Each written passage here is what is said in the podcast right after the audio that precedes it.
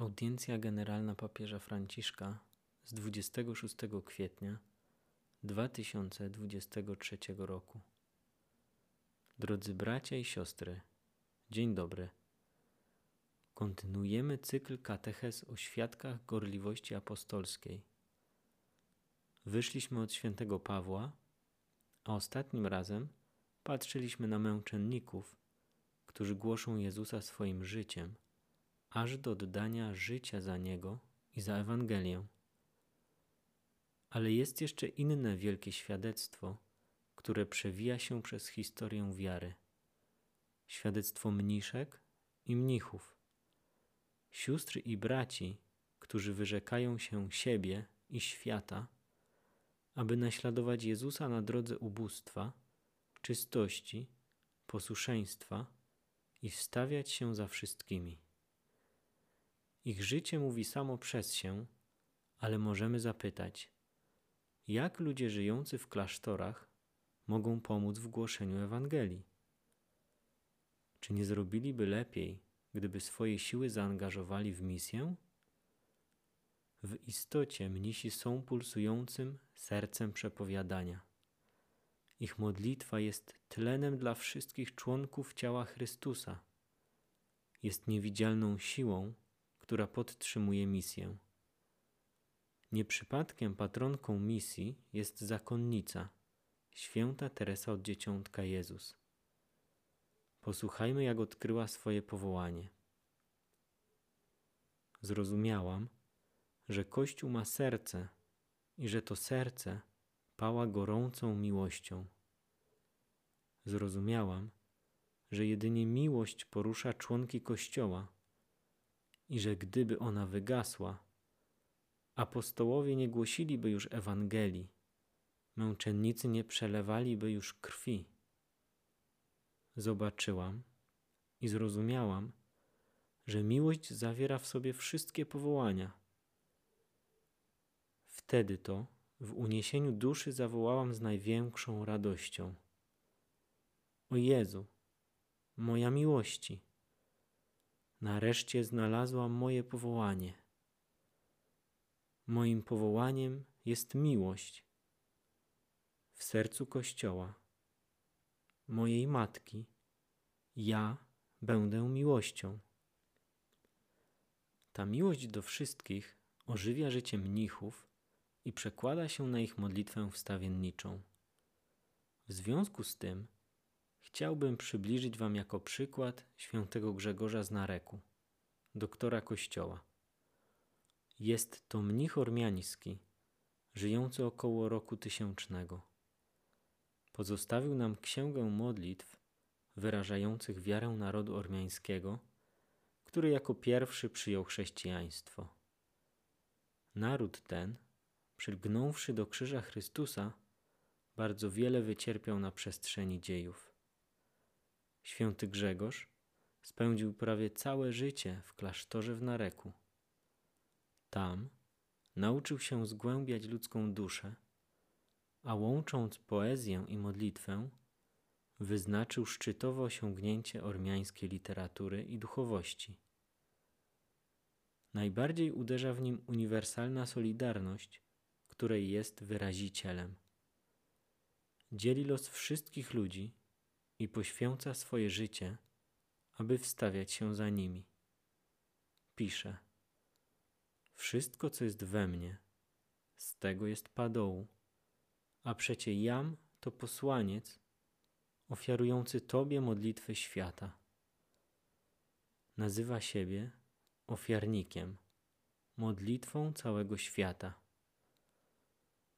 Żyje w jedności ze wszystkimi i dla wszystkich błaga o miłosierdzie, wychodząc od ludzkich nędz, których nie widzi u innych, lecz przede wszystkim w sobie samym. Mówi: Obarczyłem się z dobra woli wszystkimi grzechami świata. Przystałem na spłatę długów zaciągniętych przez pierwszego z ludzi, aż po kres pokolenia jego opłakuje nie tylko swoje grzechy, ale grzechy wszystkich. Modli się łzami które płyną ze współczującego serca.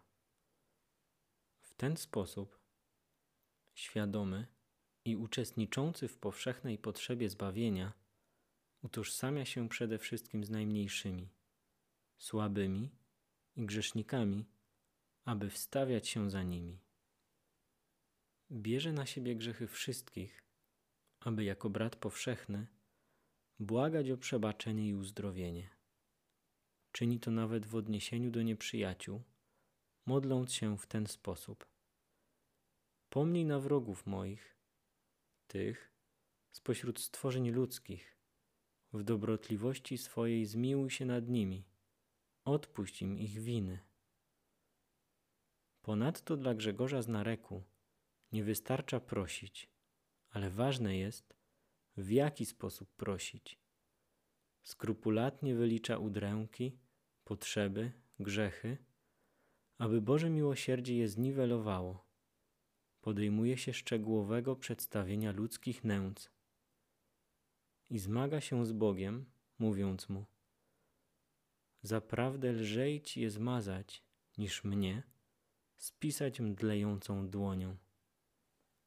A wyliczam je tutaj, bez żadnej dla siebie litości, byś mi je darował, Boże, w szczodrobliwości swojej. Święty mnich uczy nas zatem, abyśmy wstawiali się nie w sposób pochopny, ale przynosząc Panu sytuacje, historie, niepokoje, problemy. Uczy nas gorliwości w błaganiu o miłosierdzie dla świata, zachęca do modlitwy za tych, którzy się nie modlą i nie znają Boga. Możemy jednak zadać sobie pytanie: dlaczego jest to potrzebne? Dlaczego Bóg nie obdarza nas łaskami bez naszych modlitw? Tutaj dotykamy wielkiej tajemnicy, ponieważ Bóg zawsze szanuje naszą wolność i dlatego, aby zrealizować swoje plany zbawienia, potrzebuje kogoś, kto dobrowolnie modli się i ofiaruje także za innych, kto przyprowadza do niego tych, którzy są daleko, tak aby mógł działać w ich sercach, w ich życiu. Grzegorz z Nareku mocno to odczuwał i nie modlił się w samotności, ale zanurzał się w churalnym błaganiu, w jedności z aniołami i świętymi, z każdym umierającym i potrzebującym. Sam potrzebował modlitwy innych. Przyjmij mnie, mówi do Boga, razem z nimi jako potrzebującego Twojej wielkiej miłości do człowieka. Poczujmy też, że i my jesteśmy potrzebującymi Boga jak wszyscy i wstawiającymi się u Boga za wszystkich. I tak jak czynił to Jezus, mnisi biorą na siebie problemy świata, trudności, choroby, wiele spraw i modlą się za innych. I to są wielcy ewangelizatorzy. Jak to jest, że klasztory żyją zamknięte, a ewangelizują? Bo poprzez słowo, przykład, wstawiennictwo i codzienną pracę mnisi są mostem wstawiennictwa za wszystkich ludzi i za grzechy. Oni też opłakują. Płaczą z powodu swoich grzechów. Wszyscy jesteśmy grzesznikami. I opłakują też grzechy świata. I modlą się, i wstawiają rękami i sercem wzniesionym ku Bogu. Pomyślmy trochę o tym. Jeśli mogę użyć tego słowa za sobie, jaki mamy w Kościele, są oni prawdziwą siłą, prawdziwą mocą, która podtrzymuje lud Boży. I stąd bierze się zwyczaj, jaki mają ludzie. Lud Boży, kiedy spotykają osobę konsekrowaną, mówią: Pomódl się za mnie, módl się za mnie, bo wiecie, że istnieje modlitwa wstawiennicza. Dobrze nam zrobi, na miarę naszych możliwości, odwiedzenie jakiegoś klasztoru, bo tam się modlą i pracują Każdy z nich ma swoją regułę, ale ręce są tam zawsze zajęte. Zajęte pracą, zajęte modlitwą. Niech Pan da nam nowe klasztory. Niech da nam mnichów i mniszki, którzy swoim wstawiennictwem podtrzymują Kościół. Dziękuję.